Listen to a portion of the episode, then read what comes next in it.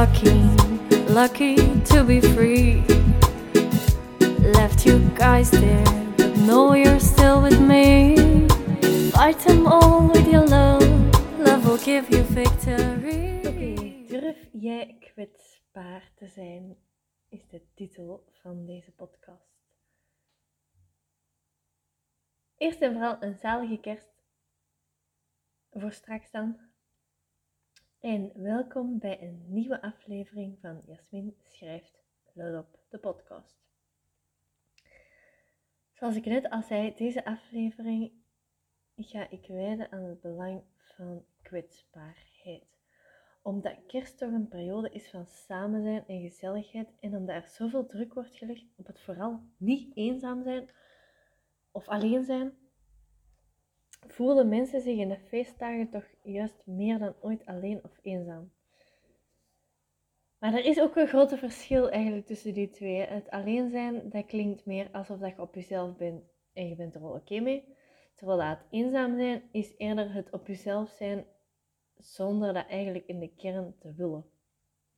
Ik heb mij vroeger wel eens eenzaam gevoeld en dan vooral ook onder de mensen. Dus dacht ik, laat ik even delen hoe ik mezelf heb aangeleerd om dat eenzaam gevoel niet meer op te roepen. Want het ligt echt 100% aan je eigen manier van denken. Oh, sorry, ik heb juist keihard prikwater gedronken. Maar dus, het ligt echt 100% aan je eigen manier van denken of dat je alleen bent en je gelukkig voelt, of dat je alleen bent en je eenzaam voelt. Vroeger, en dan vooral tijdens die burn-out, kon ik me echt heel eenzaam voelen. En vooral ook zo heel ver verwijderd van de wereld. Ik had gedacht als ehm, ik heb niet genoeg vrienden of ik zou wel meer vrienden willen, maar mensen vinden me daar niet plezant genoeg voor. Dat dacht ik letterlijk. Ik denk dat er misschien wel meer mensen zijn die dit denken, maar dat voor zichzelf houden. En daar wil ik het over hebben in deze podcast. Want als je je gedachten nooit uitspreekt tegen niemand, beland je in dat eenzame gevoel. En ik zal u hier in deze podcast zeggen dat uw omgeving en de wereld die zitten te wachten om eigenlijk van u te horen wat dat je echt denkt en wat dat je echt voelt. En vooral als dat nog eens gedachten zijn die u niet dienen. Als het echt mensen zijn die echt van u houden, dan zullen die echt heel graag een luisterend oor bieden. Want jij bent het waard om naar te luisteren. Altijd. Maar vaak zijn we zo bang om ons hart te openen en onze ziel bloot te geven. En kinderen zijn daar echt een goed voorbeeld van. Hè? Die kunnen heel goed nog aangeven wat ze willen of laten zien wat ze voelen. En naarmate wij volwassener worden, dan wordt ons precies aangeleerd om toch sterk te zijn en toch maar lekker door te gaan en over gevoelens heen te wippen of gevoelens weg te duwen of gevoelens te negeren.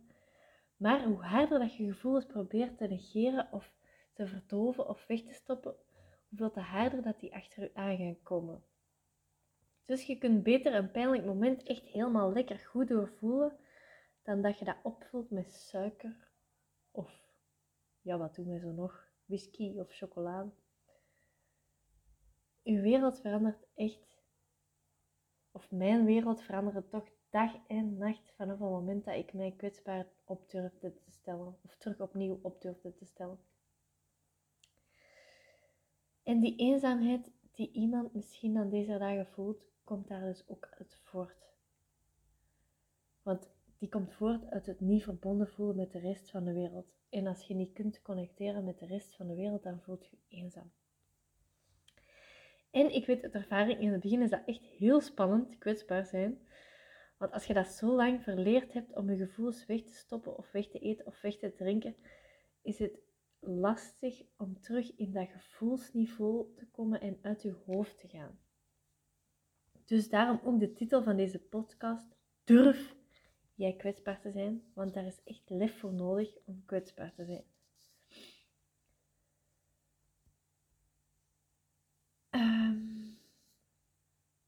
ja, ik vind gewoon, het moment dat je een ei hebt, hoe rot dat ei ook is, je moet dat ei toch bij iemand kwijt kunnen. En als ik dat nu vergelijk, de vriendschappen die ik nu heb, zijn echt tien keer intenser. En ik haal er ook tien keer zoveel uit, puur omdat die kwetsbaarheid er langs beide kanten is. Ik denk ook, zonder echt kwetsbaar te zijn, is er niet echt een relatie op diep niveau mogelijk. Want dat zijn mensen die dan een muur rondom zich hebben. Maar hoe brokkelt je die muur dan af? Vragen mensen zich waarschijnlijk af. Die muur is eigenlijk gewoon een opstapeling van overtuigingen die dat u niet dienen. Dus, bijvoorbeeld dat je denkt, ik ben niet goed genoeg, of wat zullen ze van mij denken, of uh, nog een andere overtuiging kan zijn, als ze mij tranen zien hebben, dan willen ze mij misschien niet meer als vriendin, want daardoor ben ik een trissig geval of zo. Dat was vooral eentje dat mij heel hard tegenhield. Ik dacht, als ik ongelukkig ben, dan gaat niemand nog mijn vriendin willen zijn. En dat komt natuurlijk weer verder uit, zoals ik in die eerste podcast al aangeef, die stukgelopen vriendschap, of abrupt stukgelopen vriendschap eigenlijk, die ik dan de rest van mijn carrière vriendschappen eigenlijk heb meegesleept, nee, meegenomen. Maar eigenlijk doet het er totaal niet toe waar dat iets vandaan komt. En het heeft ook geen nut om dat allemaal te gaan overanalyseren. En jezelf daarom maar krediet te blijven geven waarom dat je je nu eenzaam voelt. Je moet eigenlijk met die overtuiging aan de slag. Je moet jezelf nu alstublieft ervan overtuigen dat jij het waard bent om liefde te ontvangen. En vooral als je je slecht voelt, want dan is het eigenlijk al soort van te laat of dan moet je het omdraaien. Maar jij bent het echt, echt, echt, echt, echt, echt waard. Iedereen, ieder van ons is het waard om elke dag opnieuw zielsgelukkig door het leven te dansen. Je kunt denken welke overtuigingen daar bij u nog onder liggen. En zo eigenlijk waarom dat jij denkt dat je niet volledig jezelf kunt zijn of jezelf moogt zijn van jezelf. En als je er dan achter bent welke overtuigingen je hebt, kunt je die omdraaien. In het leven kun je eigenlijk kiezen. Dus ja, dat is een goeie. Je kunt ervoor kiezen om alles te voelen. Of je kunt ervoor kiezen om niks te voelen. En er is dus geen middenweg. En veel mensen kiezen dus om niks te voelen. En die proberen die slechte gevoelens te verdoven met whisky of met ehm, chocolade. Want wij proberen die kwetsbaarheid eigenlijk weg te werken door dan van alles te gaan eten of drinken of andere afleiding. Maar je kunt niet zeggen van hier is kwetsbaarheid of schaamte of teleurstelling of eenzaamheid of het is gewoon van al die emoties die wil ik niet voelen. Dat gaat niet. Dus dan gaan we whisky drinken en chocola eten, want dan voelen we dat niet. En doordat je die gevoelens dan eigenlijk verdooft, dan verdooft je automatisch ook de andere gevoelens. Je voelt niet meer die oprechte dankbaarheid. Je voelt niet meer of dat je gelukkig bent. Uh, Oké, jawel, maar dat is een ander soort. Dat is niet zo intens als dat je nuchter, vrij van al die uh, middeltjes dat je eigenlijk neemt om te verdoven. Dat is een ander soort vreugde dat je dan voelt. Dat is veel oprechter en dat voelt je veel dieper. Dat voelt je tot in je kleinste teen dat je opgewonden bent en nog langer wilt leven en zo lang mogelijk hier op aarde wilt genieten. Maar dus, dat wordt dan ook verdoofd. En dan snappen we het niet meer. Dan gaan we zoeken naar zingeving in het leven. Maar waarom besta ik in godsnaam? En dan begrijpen we eigenlijk niet meer waarom we hier zijn, omdat we niks meer voelen. En dan drinken we maar opnieuw nog eens twee glazen whisky en eten we nog een stuk chocolade. Maar ik ben er dus hier en nu met deze podcast om u te vertellen dat jij diep van binnen in de werkelijkheid, dat jij diegene bent die geen whisky of chocolade nodig heeft.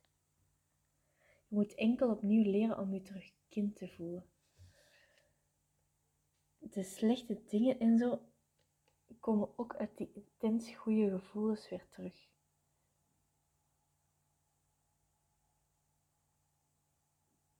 En ja, hoe kun je die cirkel dan doorbreken? Hè?